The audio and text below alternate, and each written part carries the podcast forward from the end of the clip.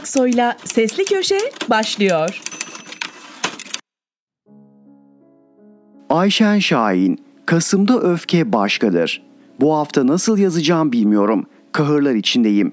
İyi değilim, çok üzgün ve kızgınım, bir çareyim, sürekli gözlerim doluyor, ansızın ağlıyorum. Oturdum bilgisayar başına yazabilmeyi deniyorum.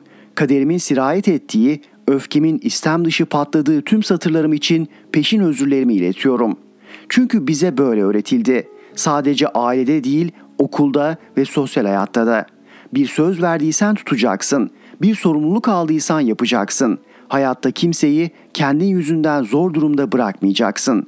Tıpkı tabakta son kalanı kapmamayı, ikram edilenler içinden en büyüğünü atlamamayı, hak edilmemişse el sürmemeyi, hata yaptıysan ya da kalp kırdıysan özür dilemeyi, iyilik gördüysen teşekkür etmeyi, başkasının hakkına el uzatmamayı öğrettikleri gibi. Ama bize demediler ki işte bir ömür böyle kaybedeceksin, hep zora düşecek, her gün yeni sınavlara girecek, ağır bedel ödeyecek, sırtındaki yükü taşıyamaz olacaksın.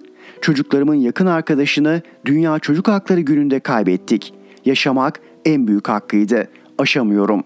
Cenazesinde hayatımda görmediğim kadar liseliyi bir arada gördüm. Her birinin ne kadar güzel çocuklar olduğunu bir daha gördüm. İçimde alev topu var, söndüremiyorum. Biz bu çocukları binbir hayal ve umutla doğurduk. Şimdi sadece yaşatmaya çalışıyoruz. Kabullenemiyorum. Çocuk Hakları Günü. İSİK Meclisi açıkladı. 10 yılda 616 çocuk işçi ölmüş, çocuktan işçi olmaz. Daha geçenlerde Milli Eğitim'in bakanı köfteciyle sözleşme imzalarken kameralara poz verdi gülerek. Sanırsın bonservissiz ucuza kelepir oyuncu bağlamış takımına. Daha 40'ı çıkmadı. 14 yaşındaki Dicle Nur'un el kadar kızcağız paketleme makinesine giysisini kaptırıp gitti gitti. Çocukların beslenememekten kemik yapısı bozuluyor. Oysa açlığın bile ilk belirtisi sadece karbonhidrata bağlı beslenme yüzünden obezite. Onu bile geçmişiz. Kuyularını açtık diye poz verdikleri Somali'nin peşinden koşuyoruz istatistiklerde. Ha acından ha aç kalmamak için işe koşulmaktan. En az 3 çocuk buyuruyorlar ya en tepeden. Nasıl büyütüleceği hakkında hiçbir fikirleri olmadan öfkemden deliriyorum. Bakabileceğiniz kadar çocuk yapın bile değil. Herkes sevebileceği kadar çocuk yapsın, ilgilenebileceği kadar. Bu memleketin sevgisizliği bu gül yüzlü çocuklara reva mı? Mayın tarlasında çocuk mu büyütülür? Havan topu mu gelecek, bomba mı patlayacak, askere mi alacaklar, sınavları mı geçemeyecek, işsiz mi kalacak, mutsuz mu olacak? Dünya mutluluk sıralamasında 112'ye gerilemişiz. Zaten 146 ülke var listede. Bizden bir önceki Gana, İran bile 110'da, Afganistan en sonda. Hiç iyi değiliz. Statistan'ın araştırmasına göre dünyada ruh sağlığı en bozuk ülkeler listesinde 6. sıradayız. Bangladeş'ten hemen önce. Üzüntü, stres, endişe ve fiziksel acı kriterlerinin günlük hayat tecrübesindeki yerine göre hazırlanmış bu araştırma. Afganistan en başta. 24 Kasım'da Öğretmenler Günü kutlandı. Fedakarlıkları için teşekkür etmiş Eğitimin Bakanı. Hiçbir meslek fedakarlığa gerek duymamalı. Emeğinin hakkını almalı insan, kıdemine ulaşmalı. Öğretmenliğin saygınlığından dem vurmuşlar metinde. 460 bin ataması yapılmayan öğretmenin gözlerine bakarak söyleyebildi mi? Öğretmenin uzattığı çiçeği almamak için kulağını kaşıyan bakan. Van'da Harun Titiz, Bilecik'te Murat Kaya, Mersin'de İsmail Karahan atamaları yapılmadığından canlarına kıydılar daha bu sene. 25'inde intihar eden Merve öğretmenin acısı hala taze. Gidip şehit öğretmenler anıtı açtılar öğretmenler gününde. Hiç mi demediniz neden ölür bir insan derslikte? Anıtını dikmek midir devletin görevi çatışma iklimini durdurmak mı? Çocuklara ya asgari ücret altına sendikasız, sözleşmeli öğretmenler ya da fedakarlık buyurulanlar eğitim veriyor. Kim kimin derdine yana? Bu satırları yazarken kadına yönelik şiddete karşı Uluslararası Mücadele Günü için kadınların sokağa çıkması yasaklandı. Bir haftadır bildiri dağıtmaya, 25 Kasım'da Taksim Tüneli çağrıya çıkan kadınlara müdahale ediyorlar. Şiddete karşı mücadele ederken şiddete uğruyor kadınlar. Devlet eliyle, kolluk kuvvetiyle şaşmadan her sene. Her sene olduğu gibi bu senede zorlayacak kadınlar barikatları. Ben yazıyı çoktan göndermiş olacağım. Erken yazıyorum. Çünkü belli ki 25'inde yazamayacağım. Belki yine parmakları kopacak, ağızlarının içine gaz sıkılacak, yerlerde sürüklenecekler. Otobüslerde gaz içinde ters kelepçe bekletilecekler. Yargılanacaklar. En iyi ihtimalle yurt dışı çıkış yasağı ve adli kontrol. Bu iktidar bir yandan muhalif kesimlerin tamamından nefret edip nefret ettiklerinin ülkeden gitmesinden neden korkuyor?'' Sonra affınıza mağruren yavşağın biri pijamasını altına çekip evinde battaniye altından tweet atacak. İran'da kadınlar devrim yapıyor. Bizimkiler simli pankart peşinde diye. Gel de delirme.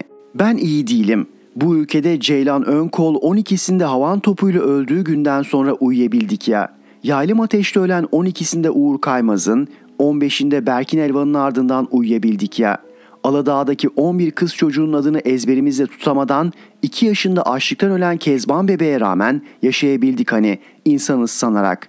Her gün isimlere isim ekleye ekleye ağlayıp diz dövüp sonra devam etmekte pek mahir hani Sezen Aksu diyordu ya şarkısında. Masum değiliz hiçbirimiz. İyiliğimizden sual olunuyor bizim de. Ölen çocuk öldüğüyle kalıyor da biz bu hiçbir şeye benzemeyen dünyayı aynı şekilde ve inatla döndürüyoruz işte.'' O yüzden demem o ki birilerine astar biçerken kılı da kırk yarıyoruz ya. Trajikomik bir hal bizimkisi. Bu sinikliğimiz pespaye, bu pek bilir kişi tavırları her birimizin hep akıl verişimiz, hiç de dinlenme işimiz, hiç dinleneme işimiz, her şeyi herkesten çok bilişimiz, sipsivri köşelerimiz, hepimiz pek erdemli, pek bilgili, pek tecrübeli, pek iyiyiz. Peki biz neden 20 yıldır bu haldeyiz?'' Ne güzel insan sevmemekle övünüyor herkes. Çok tebrikler. İyi meziyet. İnsanı sevmedikçe birer birer ölüyor sevgisizlikten insanlar. Acından, empatisizlikten, bazıları yakasında hak etmediği bir suçlu rozetiyle, bazısı çaresizlikten, açlıktan. Tasvip etmediğim kanlı bir eylemde dile gelmiş olsa da bu ülkede halka söylenmiş en basit, samimi cümleydi. Halkımız sizi çok seviyoruz. Filikalarda önce kadınlar ve çocuklar yazar, bizde ilk bu ikisini vurdular. Acım ve öfkem öyle büyük ki sevgim de artık galiba sadece onlara kadar. İyi insan demek zor ama iyiliğe meyli olan varsa onunla sağ tutalım diyeceğim bundan sonra her sorana. Biri de desin ki hesap kitap bir yere kadar. Seviyoruz halkımızı. Her şey onlar için gerisi boş işler diyemediler, sevemediler. Canım yanıyor. Tüm dünyaya ve kendime de öfkeliyim. Size de sıçrattığım için özür dilerim. Özür dilerim çünkü bize öyle öğrettiler. Bunlara kim neyi nasıl öğretti aklım almıyor. İyi değilim. Kimse de iyi değil. Yerseniz iyi pazarlar. Ayşen Şahin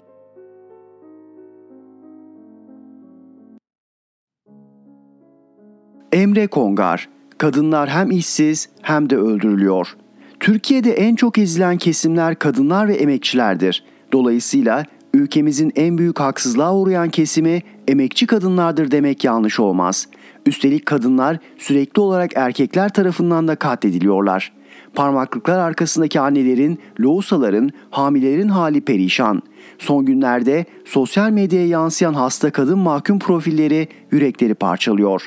Elbette ne 28 Şubat ne gezi direnişi mağdurlarını ne haksızlığa uğrayan çağdaş avukatları ne hasta ne yaşlı ne loğusa mahkumları ne Kavala'yı ne Demirtaş'ı ne de KHK'ları unuttum.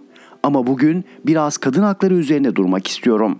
Çünkü ülkemizde kadın olmak sanki haksızlığa uğramak için yeterli bir neden gibi. Biyanet'in yerel ve ulusal gazetelerden, haber sitelerinden ve ajanslardan derlediği haberlere göre erkekler 1 Ocak 2022 23 Kasım 2022 arasındaki dönemde en az 296 kadını öldürdü, 715 kadını da yaraladı. Diskar'ın raporuna göre erkeklerde resmi istihdam oranı %65 olarak açıklanmışken kayıtlı tam zamanlı istihdam kati oranı %49 olarak hesaplandı. Yani çalışabilir erkek nüfusun ancak yarısı kayıtlı tam zamanlı istihdam kati oranına sahip. Kadınlarda resmi istihdam oranı %30,5 iken Diskar tarafından TÜİK verilerinden hareketle hesaplanan kayıtlı tam zamanlı istihdam kati oranı %18,6 oldu genç işsizliğinde artış eğilimi de devam ediyor. TÜİK verilerinden Diskar'ın yaptığı hesaplamaya göre gençlerde geniş tanımlı işsizlik %36.6 düzeyinde gerçekleşti. Genç kadınlarda işsizlik oranı ise %48'i aştı. Bu verilere göre kadınlarda istihdam oranı erkeklerin yarısından daha az. Kayıtlı tam zamanlı istihdam kati oranı ise kadınlarda erkeklerin neredeyse üçte birine yakın. İlerici Kadınlar Derneği 25 Kasım kadına yönelik şiddete karşı uluslararası mücadele ve dayanışma günü dolayısıyla bir bildiri yayımladı. Bu bildirinin ana hatlarını şöyle özetlemek olanaklı. Ülkemizde neredeyse her gün bir kadın cinayeti işleniyor. Ülkemizde kadınlar evde, sokakta, iş yerinde şiddete maruz kalıyor. Her dört kadından biri hayatının bir döneminde şiddete uğruyor. Ülkemizde kadınlar ucuz iş gücü olarak görülüyor, düşük ücretlerle kayıt dışı güvencesiz çalışıyor. AKP'nin iktidarıyla birlikte gerici örgütlenmelerin, tarikat ve cemaatlerin tahakkümü, eğitim sisteminin gericileştirilmesi, sosyal yaşamın her alanının dinsel referanslarla dizayn edilmesi kadınların ikincil konumunun daha fazla pekişmesini ve şiddeti körüklüyor. AKP'nin iktidara geldiği 2002 yılından bugüne en az 7 bin kadının yaşamdan koparılması bu gerici rejimin açık sonucudur.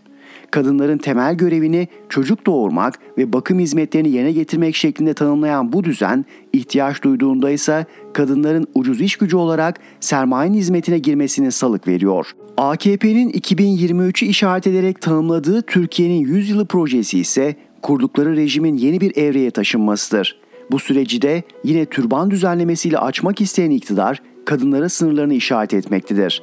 Kadın düşmanlarına, gerici yobazlara, para babalarına bu düzene mahkum değiliz. Çocuk istismarlarına, kadına yönelik şiddete, tacize, kadın cinayetlerine mahkum değiliz. Değiştirmek kendi ellerimizdedir. Mücadelemiz AKP'nin yeni Türkiye'sine karşı layık ve aydınlık bir Türkiye içindir. Şiddete, yolsuzluğa, gericiliğe dur diyelim. Eşit, özgür, laik, sosyalist bir ülkeyi hep birlikte kuralım. Değerli okurlarım, kadın hakları mücadelesi aslında demokrasi mücadelesidir. Demokrasi mücadelesi aslında laik ve sosyal hukuk devleti mücadelesidir. İçeridekilerin ve dışarıdakilerin uğradıkları haksızlıkların, hukuksuzlukların, adaletsizliklerin engellenmesi, kadın hakları için yapılan demokratik, laik ve sosyal hukuk devleti mücadelesiyle daha olanaklı hale gelecektir. Türkiye İran'dan, Türkiye'deki kadınlar İran'daki kadınlardan daha geride değildir. Emre Kongar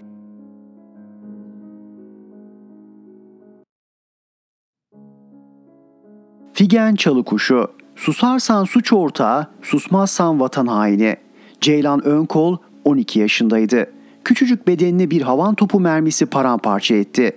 Yıl 2009, yer Lice Şenlik Köyü. Minicik bedeni yukarıdan gelen havan topu roketle paramparça olmuş Hasan. Yıl 2022, yer Gaziantep. AB 2022 Türkiye raporuna göre son 10 yılda bölgede öldürülen çocuk sayısı 67. Sadece bölgede mi? İstiklal'de 9 yaşındaki Ecrin'i, 15 yaşında Yağmur'u da patlayan bombada yitirdik. Hemen misliyle karşılık vermek üzere pençe kılıç operasyonu başlatıldı. Füzelerin üzerine Ecrin yazıldı, Yağmur yazıldı. Sorabilseydik Ecrin'e ve Yağmur'a bir bombanın üzerine yazılmak isterler miydi acaba? 2009'dan 2022'ye evlatlarımızın küçücük bedenleri üzerine patlayan bombalardan bombalara. Sınır ötesinde, sınır içinde insanlar ölüyor, çocuklar ölüyor, askerlerimiz ölüyor. Resmi bilgilere göre Türkiye'nin sınır komşusu Kuzey Irak'a yaptığı operasyonlar 38 yıldır devam ediyor. Türk Silahlı Kuvvetleri 2019'dan bu yana Irak'ın kuzeyinde teröristlere üst üste pençe darbesi indirdi. Şimdiye kadar 1531 PKK'lı terörist etkisiz hale getirildi.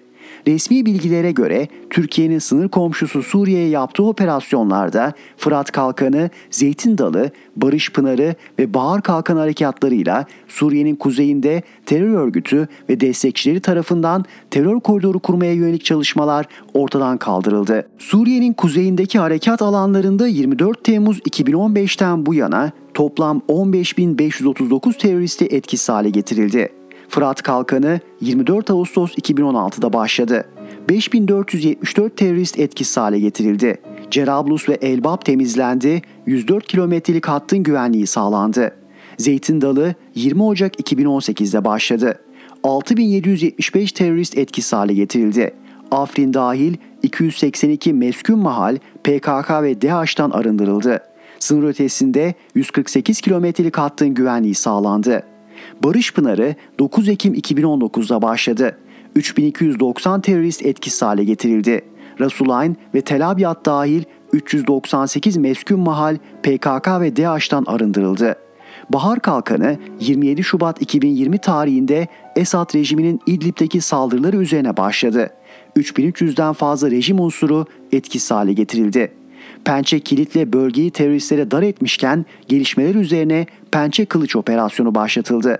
Ama sınır ötesinde kilometrelerce alanda arındırma ile güvenlik sağlanan hatta resmi ifadelere göre terör koridorunun yerle bir edildiği yerlerden Gaziantep'e havan topları, roketler atılabildi. Terör koridoru yerle bir edilmiş sınır ötesi kilometrelerce alan Türkiye kontrolündeyken bu roket ve havanlar nasıl atılabildi? Uzmanlara sorarsanız Kobani'den Gaziantep'in ilçelerine havan atılması aradaki mesafeye göre pek mümkün görülmüyor. Ayrıca topçu havan radar istasyonlarının 24 saat çalışması gerekmiyor mu? Mutlaka bu havanların nereden geldiğini saptanabileceğini söylüyorlar. Madem Kobani'den atıldı neden rapor sonuçları paylaşılmıyor?'' roketin düştüğü yerde yapılacak uzman incelemesiyle roketin cinsi ve mesafe olarak nereden atıldığını saptamak mümkün. Askeri uzmanlara göre bu inceleme mutlaka yapılır ve raporu tutulur. Roketin atıldığı yer saptandıysa niye ülke insanlarıyla paylaşılmıyor? Hala istiklalde yaşanan vahşet bile tam anlaşılamadı. Neden böyle? Çünkü bu ülke insanına sorgulamak yasak, ne derlerse o. Sesini kısacaksın, düşünmeyecek, sorgulamayacaksın. Ola ki düşündün, sakın ola ifade etmeyeceksin. Asla neden, nasıl, niye diye sormayacaksın. Gene de sormak istiyorum. Dünya savaşları bile 4 yılda bitti. Bizde terör ve şiddet neden bitmiyor? Sormayacak mıyız bunu? İnsanlar ölüyor bu ülkede. İnsan sevgisi de vatan sevgisi kadar yüce değil midir? Siyasal amaç ölümü kutsamak mıdır, vatandaşlara yaşamı ıskalatmak mıdır?'' Vatana aynı olmak istemiyorsak susacağız. Sessizliğimizle suç ortağı olacağız. Kimsenin kimseyi vatan aynı ilan etmek haddi değildir. Bunun bir sopa gibi sallanıp durulmasından da bu ülke bıktı. Bir suç ortağı değiliz, olmayacağız da. Bu ülkeyle ilgili her gerçeği sormak ve sorgulamak bizim hakkımız. İşiniz bize hizmet edip hesap vermek. Her hesabı da öyle hamasetle kapatamazsınız. Sizin hamasetlerinize bu ülkeyi heba edecek değiliz. Anlatın ne oluyor? Figen Çalıkuşu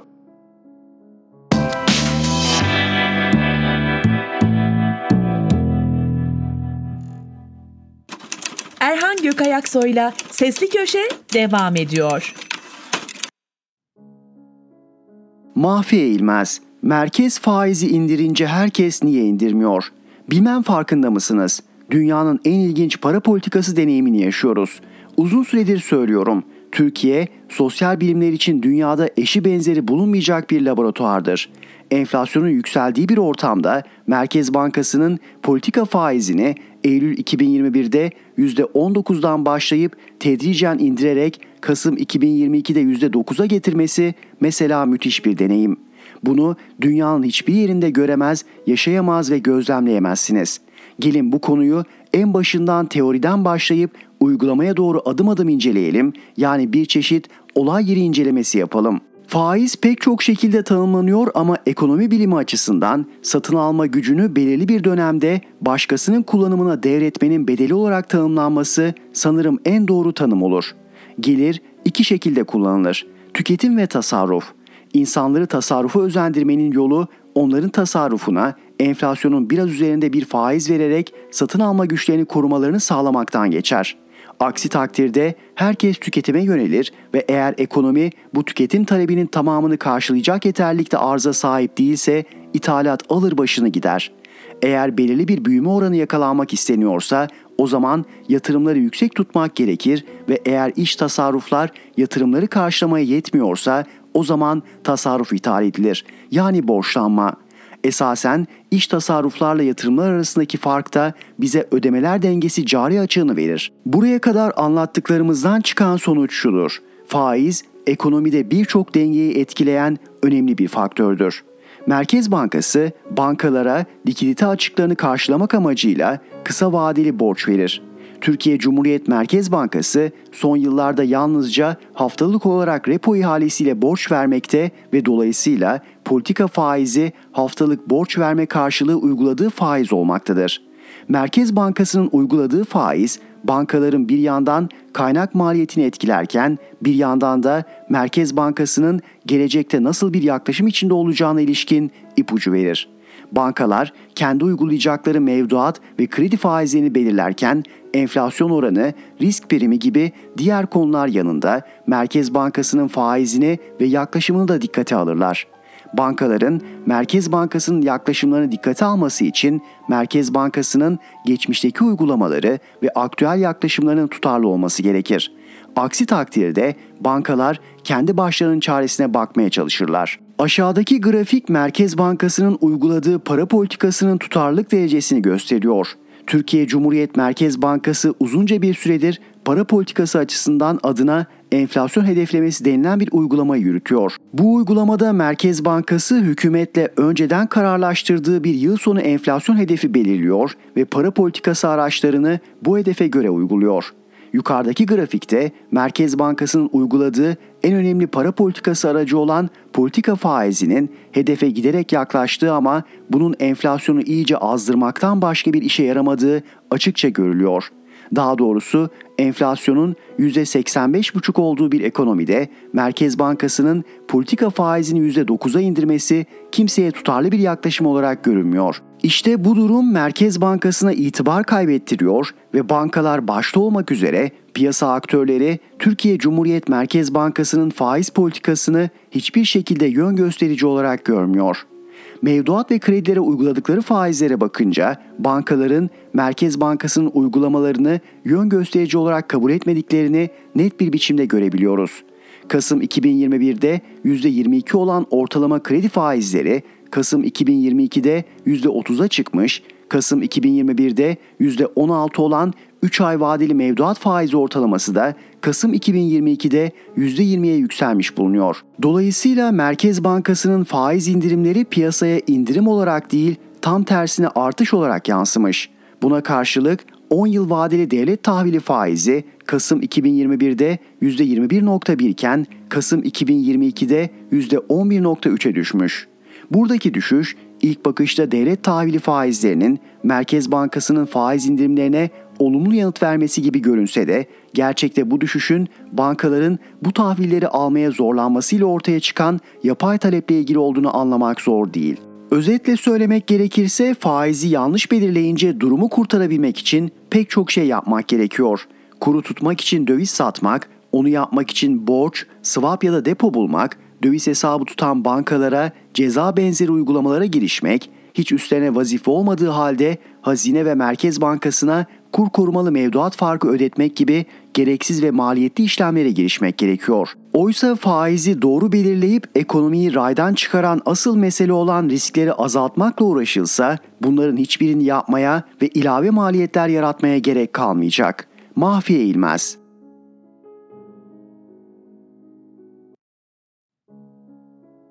Mehmet Ali Güller, Astana'ya yeni aktör Çin.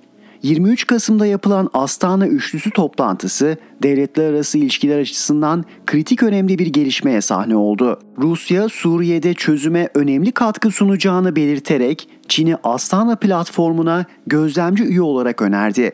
Peki Astana platformunun diğer iki üyesi Türkiye ve İran Çin'in gözlemci üye olmasını nasıl değerlendiriyor?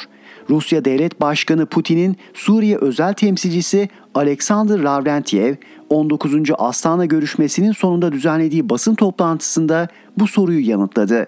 İranlar kabul etti. Türk tarafı konuyu inceliyor ve bir mola aldı. Peki Çin'in Astana platformuna gözlemci üye olarak katılması ne anlama gelir? Orta Doğu'yu, Batı Asya'yı nasıl etkiler? 1. Dünyanın satın alma paritesine göre en büyük ekonomisi olan Çin'in varlığı Astana platformunu Orta Doğu'da daha etkili bir yapıya dönüştürür. Çin'le birlikte Astana platformu daha fazla kurumsallaşır. 2. Atlantik cephesini bölen, ABD'nin Suriye'deki taşeron cephesini bozan Rusya-İran ikilisi Türkiye'de dahil ettikleri Astana platformuyla Atlantik'in askeri saldırganlığını büyük oranda önlediler. ABD-İsrail ikilisinin Suriye'yi etnik ve mezhepsel temelde bölme projesini durdurdular. Ancak siyasi çözüme istenen oranda geçilemedi. İşte Çin'in Astana'ya katılımı siyasi çözüme geçişi hızlandıracak ve Suriye yararına bir sonuç alınmasını kolaylaştıracaktır. Ankara'nın geciktirdiği Şam'la normalleşmeyi hızlandırmasına da etkisi olacaktır. 3. Astana platformu her ne kadar Suriye merkezli olsa da bölge merkezli bir sorun çözme platformu olma potansiyeli taşıyor. O potansiyelin hayata geçtiği ilk alan Karabağ oldu. Astana platformundan kaynaklı Türk-Rus işbirliği yıllardır çözülemeyen Karabağ sorununa Azerbaycan lehine çözüm getirdi. Dahası Türk-İran-Rus işbirliği Kafkasları ABD ve AB etkisinden çıkarma potansiyeli ortaya koydu. Çin'in Astana platformuna katılımı platformun bu potansiyelini büyük oranda yükseltecektir. Astana dörtlüsü İsrail-Filistin anlaşmazlığından İran-Arap sorunlarına kadar pek çok konuda çözüm adresi özelliği taşıyacaktır. 4. Astana platformu içinde Çin, Rusya, İran ve Türkiye işbirliği Orta Doğu'daki ABD nüfuzunu kıracaktır. Küresel hegemonyası zayıflayan ABD emperyalizminin bölgedeki etkisi zaten son yıllarda aşama aşama azalmaktaydı. Rusya'nın ardından Çin'in de varlık göstermesi ABD'nin bölgede atom üretebilmesini iyice zorlaştıracaktır. 5. Asya, Avrupa ve Afrika'nın önündeki en büyük uygarlık projesi Kuşak ve Yol inisiyatifidir. Çin'in Astana platformuna katılımı, kuşak ve yol kapsamındaki koridorların inşasının hızlanmasına olumlu etki yapar. Tarihi önemdeki kuşak ve yolu hedef alan ABD'nin Orta Doğu'daki etkisinin zayıflamaması, Orta Doğu'nun kuşak ve yoldan daha fazla yararlanması, daha fazla kazanması anlamına gelecektir. Kısacası Çin'in Astana'ya katılımı Türkiye'nin ve bölgenin yararına olacaktır. Seçim kazanmak isteyen muhalefet iktidarın Rusya ve Çin'le ilişkilerini batıdan kopma diyerek eleştireceğine ve Putin'in ortak gaz merkezi önerisine seçimde iktidara katkı diye karşı çıkacağına, tersine AKP'nin bu çizgiyi zikzaklı yürütmesini eleştirerek kendisinin daha net ilerletebileceğini ortaya koymalı. Muhalefet Çin'in Astana'ya katılımı konusunda konuyu inceleyen ve mola alan iktidarı hızla olumlu karar vermesi yönünde zorlamalı. Üstelik hazır Erdoğan Suriye ve Mısır'da aslında muhalefetin dediğine dönmüşken Mehmet Ali Güller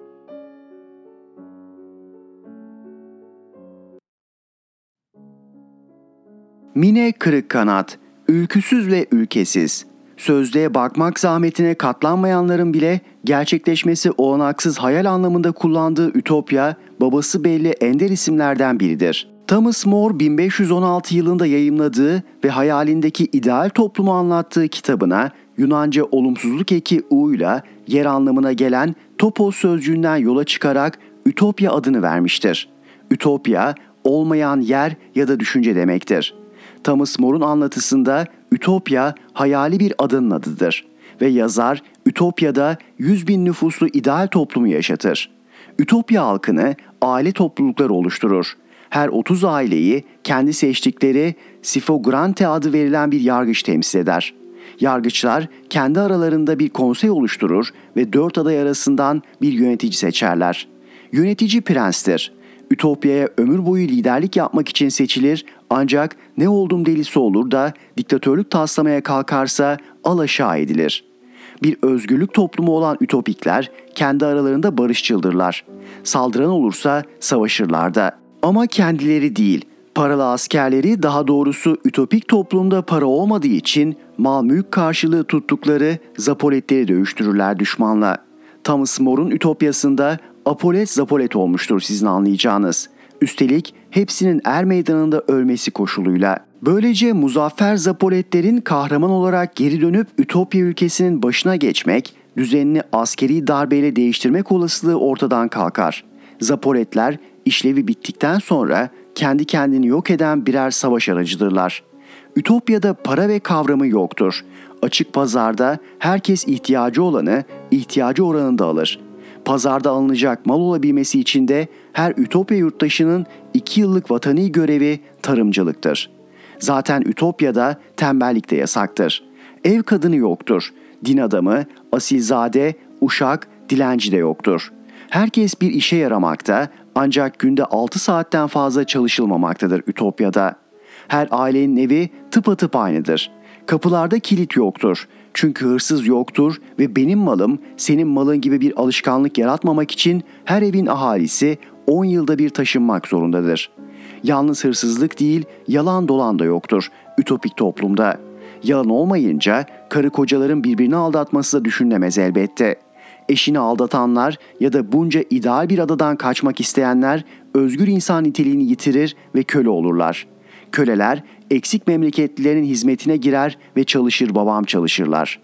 Thomas More'un böyle bir toplum örgütlenmesine mekan olarak bir adayı kurgulaması elbette boşuna değildir. Elinizi vicdanınıza koyup hayal edin. Yaşamın tadı tuzu mu kalır, kim yaşamak ister bu koşullarda? Kaçıp kurtulmak, ağız tadıyla yalan söyleyip çalıp çırpmak isteyeceklerin çok olacağını akıl ederek denizler ortasında bir ada düşlemiştir yazar.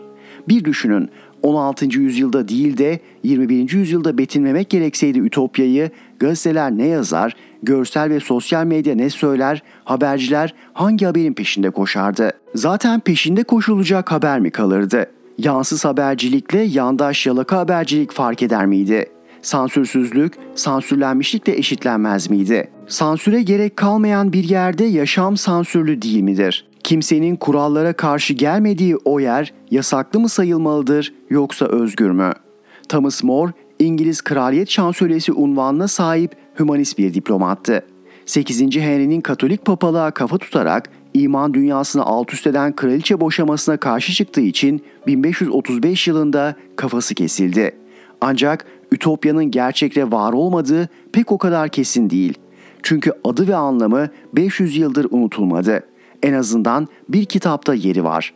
Üstelik o kitap ki 18. yüzyılda kimine başka hayaller esinledi ve sosyalizme arkaik de olsa bir örnek bağışladı. Thomas More'un kellesinden sonra epeyce baş yedi ideal toplum ütopyası. Hayaller mi öldürücüdür yoksa onları gerçekleştirmeye çalışmak mı bilmiyorum. Ama insanlar yaşadıkça hayal edecek ve hayalleri uğrunda olmasa bile zaten ölecekler, ölüyorlar. Belki son noktayı bir ideal peşinde eliyle koymak eninde sonunda size sorulmadan konulan noktadan daha insancıl, daha soyludur. Ama ideal var, ideal var. İdealin Türkçe karşılığı güzelim ülkü sözcüğünün kimlerin hor elinde, zekasız dilinde, kanlı geçmişinde, yoz ve yolsuz şimdisinde heder edildiğine bakılırsa bizlere bir ülke ve bir ülke armağan eden Atatürk'e yapılan saldırı ve hakaretler sayılırsa Türklerin dahili betahlar tarafından ülküsüz bırakıldığı ve nihai amacında zaten ülkesiz bırakmak olduğu açıktır. Her şey iyilikte kötülükte bir hayalle başlar. Hayal yoksa gelecek yoktur. Türkiye'nin dış mihraklara ve iç ceplerine hizmet eden yoz yöneticileri ülkesini seven insanların bizim hayallerimizi çaldılar. Elbet geri alacağız ülkemizi de ülkümüzü de.'' İşte o günü beklerken Ütopya başlıklı ölümsüz eseriyle bana bir ütopya olmasa da bir distopya, ciddiyet sayfamızda yayınlanan hayalimdeki ada Mikronezya fıkralarını esinleyen Thomas More'u saygıyla anıyorum. Mine Kırık Kanat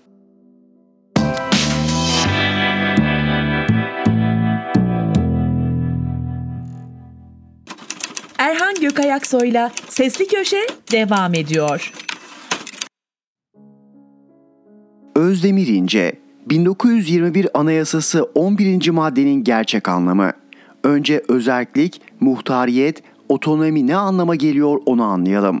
Bağımsızlık anlamına gelen özellikle yerinden yerel yönetim ve kurumsal özellik aynı şey değildir.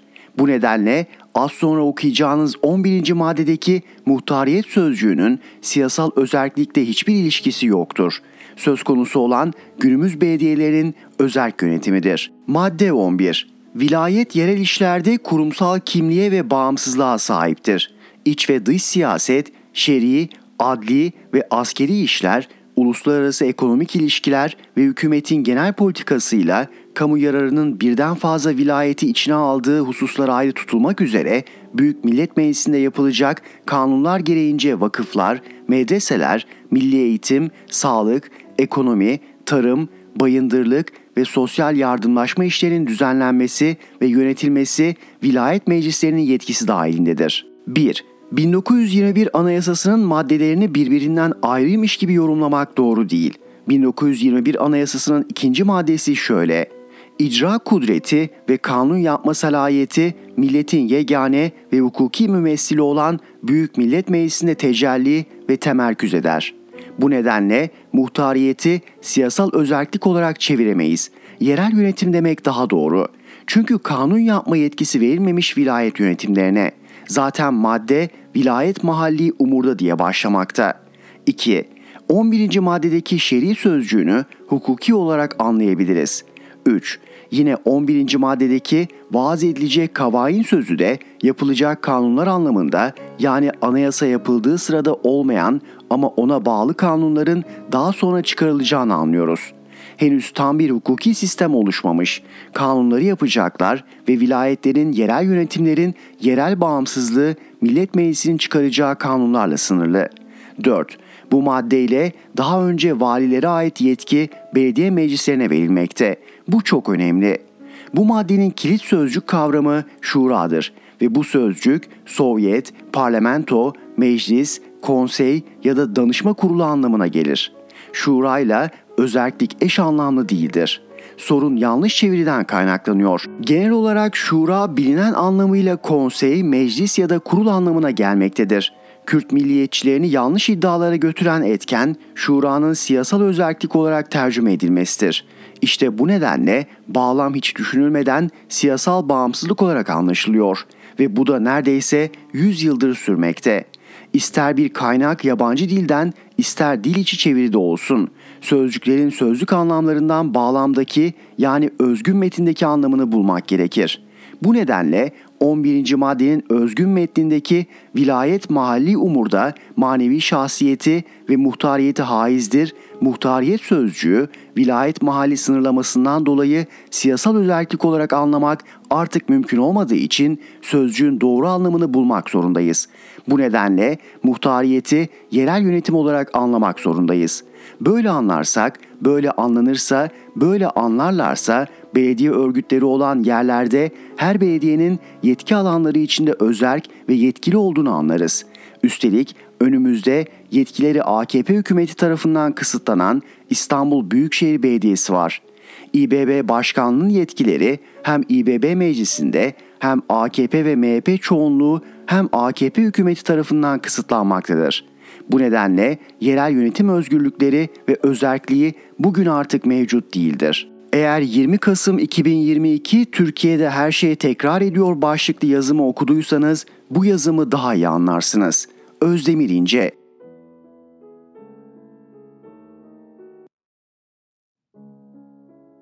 Rifat Serdaroğlu Altılı Masa Anayasası bir Seyit Rıza aşığı, bir FETÖ sevdalısı, bir Said Nursi talebesi, üç tane de ihvan hayranı bir araya gelip binlerce yıllık Türk devletine ve 84 milyonluk Türk milletine yeni anayasa yapmaya kalkışırlarsa ortaya ne çıkar? Anayasalar milletle devletin karşılıklı olarak bağıtladıkları bir sosyal mukaveledir. Olabildiğince geniş bir uzlaşmayla yapılmalıdır. Bu ülkede yaşayan herkesi ve gelecek nesilleri yakından ilgilendiren anayasa yapma işi uzmanlardan oluşan kurucu meclisin görevidir ve toplumun en önemli işidir. Türk milletinin önüne biz yeni bir anayasa yapacağız iddiasıyla çıkan siyasetçilerin geçmişleri, kişilikleri, birikimleri bu yüzden çok önemlidir. Bir siyasetçi 16 Nisan 2017 referandumunda tek adam dikta yönetiminin kabulü için çalıştı ve savunduysa bugün tek adam dikta yönetiminden şikayet ediyor ve değiştirelim diyorsa o siyasetçiye asla güvenilmez. Siz Türkiye Cumhuriyeti Devleti hükümetlerinde 13-14 yıl bakanlık, diğeriniz başbakanlık yapacaksınız ve savunduğunuz sistemin ülkeyi çökme noktasına getireceğini göremeyeceksiniz. Siyaset dilinde buna siyasi körlük değil, siyasi ihanet denir. Siz daha 2-3 yıl önce Türkiye'nin Said Nursi gibi bir lidere ihtiyacı var diye gazetelere çarşaf çarşaf beyanat vereceksiniz ve bugün karşımıza geçip biz yeni bir anayasa yapacağız diyorsanız size kimse inanmaz. Siz ben FETÖ'cü değilim diyeceksiniz ama FETÖ'nün Türkiye'ye gelişi Hümeyni'nin İran'a gelişinden çok daha muazzam olacak diyen adamı genel başkan baş yardımcınız yapacaksınız. Bir taraftan da televizyon canlı yayınında ben Türkiye'deki cemaat ve tarikat önderlerinin tamamını yakından tanırım diyeceksiniz ve biz yeni bir anayasa yapacağız diyeceksiniz. Siz Türk milletini saf mı zannediyorsunuz? Siz önce Osmanlı'ya sonra da genç Türk devletine isyan edip Türk askerlerini katleden, Atatürk'e hakaret eden İngiliz uşağı Seyit Rıza adlı eşkıyanın heykeline çiçek bırakacaksınız ve onu ululayacaksınız. Sonra da biz yeni bir anayasa yapacağız diyeceksiniz. Bir taraftan Anayasanın değiştirilemez maddeleri ortam müsait olduğunda değiştirilebilir diyeceksiniz. Programınıza Türkiye'de eğitim dili Türkçenin yanında Kürtçe ve Arapça olacaktır yazacaksınız. Türkiye'yi eyaletlere bölecek AB yerel yönetimler şartını imzalayacağız diyeceksiniz ve biz yeni bir anayasa yapacağız diyeceksiniz. Amerikan kovboyları, İngiliz anahtarları, İhvan ve FETÖ elemanları bir araya geleceksiniz ve yeni bir anayasa yapacaksınız ha? Siz yapmak değil, yıkmak için bir araya gelmiş acemilersiniz. Altınız bir araya gelin, Anıtkabir'e gitmeye kalkın, üçünüzün nefesi yarı yolda kesilir, gidemezsiniz.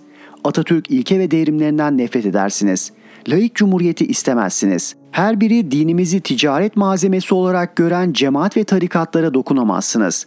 4-6 yaş arasındaki bebelerin yobazlar tarafından birer Taliban militanı olarak yetiştirilmesine karşı çıkıp mevcut anayasanın 174. maddesini uygulayabilecek misiniz?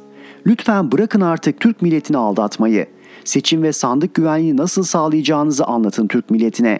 Yoksa yine on binlerce sandığı boş bırakıp yeni bir Ekmelettin sürprizi mi hazırlıyorsunuz? Rifat Serdaroğlu